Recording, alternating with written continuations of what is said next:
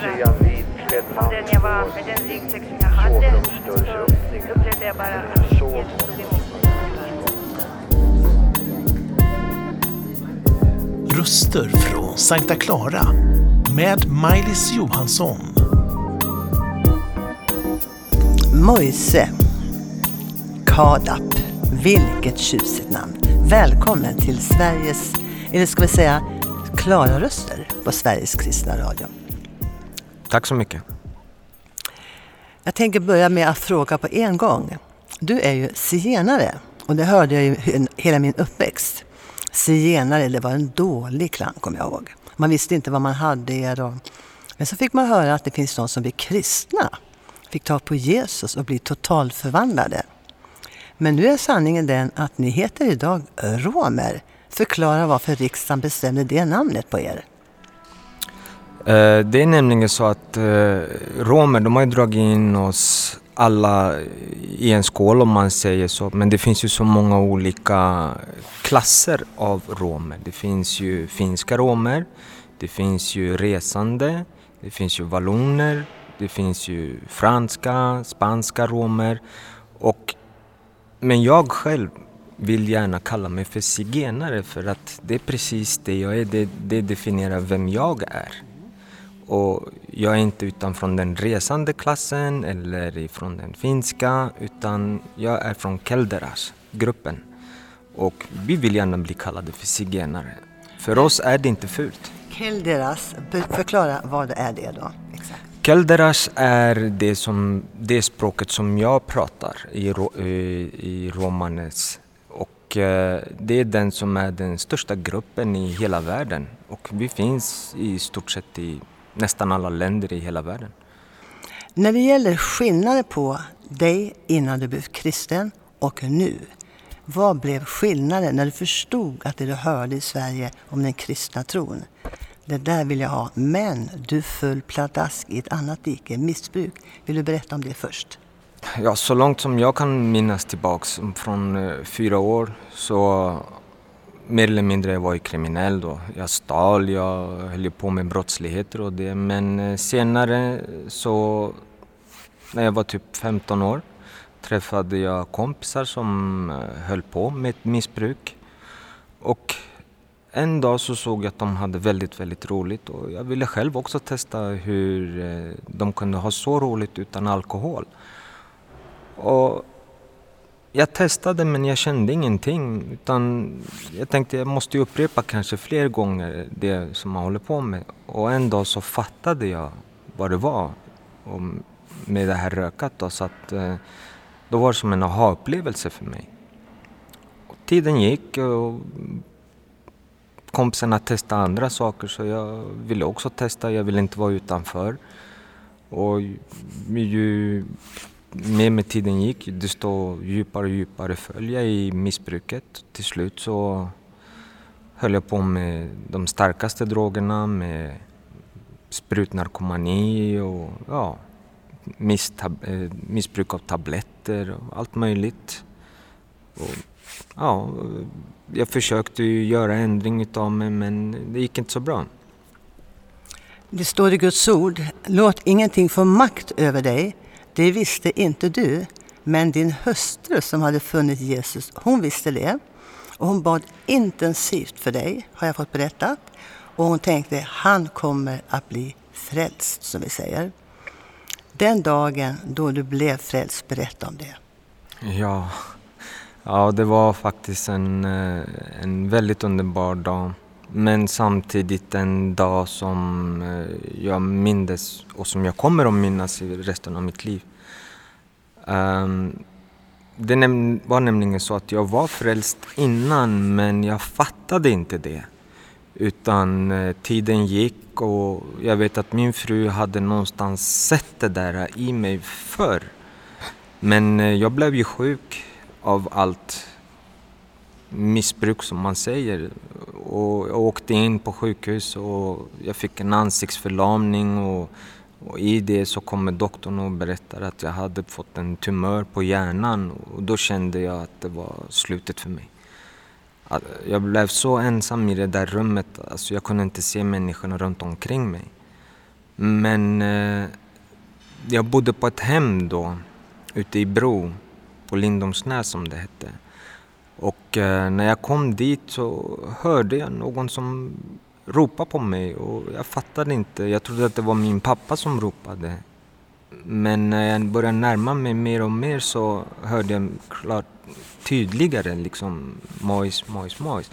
Och helt plötsligt så kände jag som att det var någon som kom bakifrån och kramade om mig väldigt, väldigt hårt. Och när jag började titta runt omkring mig då var det ingen där. Men då hörde jag Jesus prata till mig. Och han sa det att jag behövde inte vara rädd längre. Och att det som var fel med mig, det som var sjukt med mig, det är borta och jag är frisk och jag är hans son. Så jag behöver inte vara rädd. Och det var sant. Den rädslan som jag hade i mig, den föll som ett berg från mina axlar. Och det var den lyckligaste dagen men samtidigt som det var min slutet på min dag om man säger så.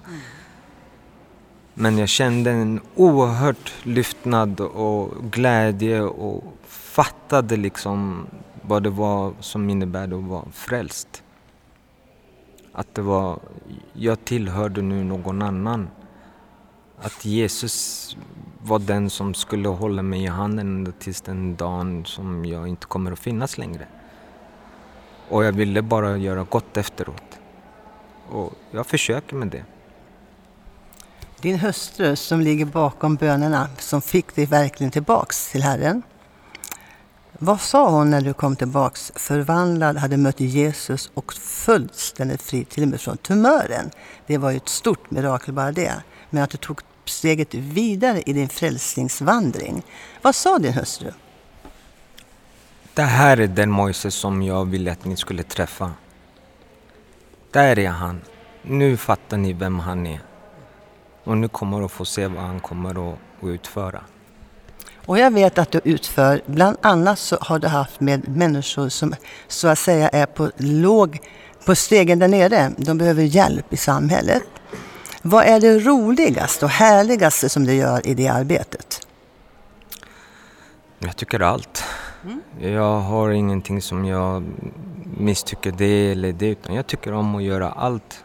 Och det som jag tycker är speciellt att det är romer som jag får hjälpa. Som ligger så långt ner. Jag vet att många ser ner på oss. De tycker att vi är ett, ja, ett patrask. Att vi är ett släkte för oss själva som ska egentligen inte finnas på denna jord för att vi ställer till med så mycket. Men att det finns någon där för dem, det betyder oerhört mycket och det ser jag. Och så många samtal som jag får varje dag och jag kan inte gå ut på stan alltså. För att alla ropar på mig, alla försöker få tag på mig. Mojs här, Mojs dit, Mojs hjälp oss, Mojs gör si, Mojs gör så liksom.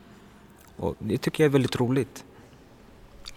Att vara zigenare, som jag älskar nu att säga eftersom det är du själv som säger att man ska säga så, och vara frälst och ha den uppgiften. De ropar ju på Jesus igenom dig eftersom du är född på nytt och har Guds ande i dig. Så är det ju Jesus i dig de ropar. Mojse, vi vill lära känna honom. Om vi säger så här, att det finns många zigenare som lyssnar på Mojse just nu. Och de tänker, är han inte klok den här mannen? Tror han på Jesus?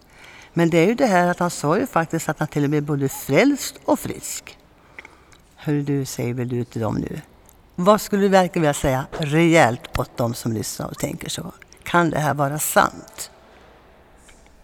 Ja, sant är det. Men jag vill att ni ska alla titta på vad Jesus gjorde för oss. Varför han kom och vad han ska göra för oss. Det är vad jag tycker att vi alla ska gå efter. Jesus, han var en Gud som satt på den högsta tronen behövde inte alls komma hit för, för oss. Men han gjorde det. Han offrade sig för oss, för alla. Vi har över 140 timmar i veckan. Vad är ett par timmar i, om, i veckan för oss att hjälpa andra liksom? Det är ingenting. Utan man gör det med glädje också, om man mår bra. Och det tycker jag alla ska testa. För det finns ingen skam i att hjälpa någon annan som, är, som har det dåligare än sig själv. Alltså. Det är vad jag tycker många borde testa på. När jag ser dig så tänker jag naturligtvis att från det döda till livet själv egentligen då. Att ge är, står det i Bibeln, är saligare att ge än att få. Nu har ju du fått hustru och barn och familj och allt det här, frälsningen först och främst. Om vi går vidare i den här lilla berättelsen. Vad är roligast att vara gift och vara frälst båda två? Vad är det för, vad är det för som är roligt med det? När man båda är ett. Att vi kan prata om Gud utan att eh, liksom tänka, ah, men vad pratar hon om eller vad pratar han om? Liksom, jag fattar ingenting. Nej, utan vi kan prata och vi kan ge varandra verser, vi kan eh, be tillsammans, eh, dela våra innersta känslor tillsammans liksom inför Gud.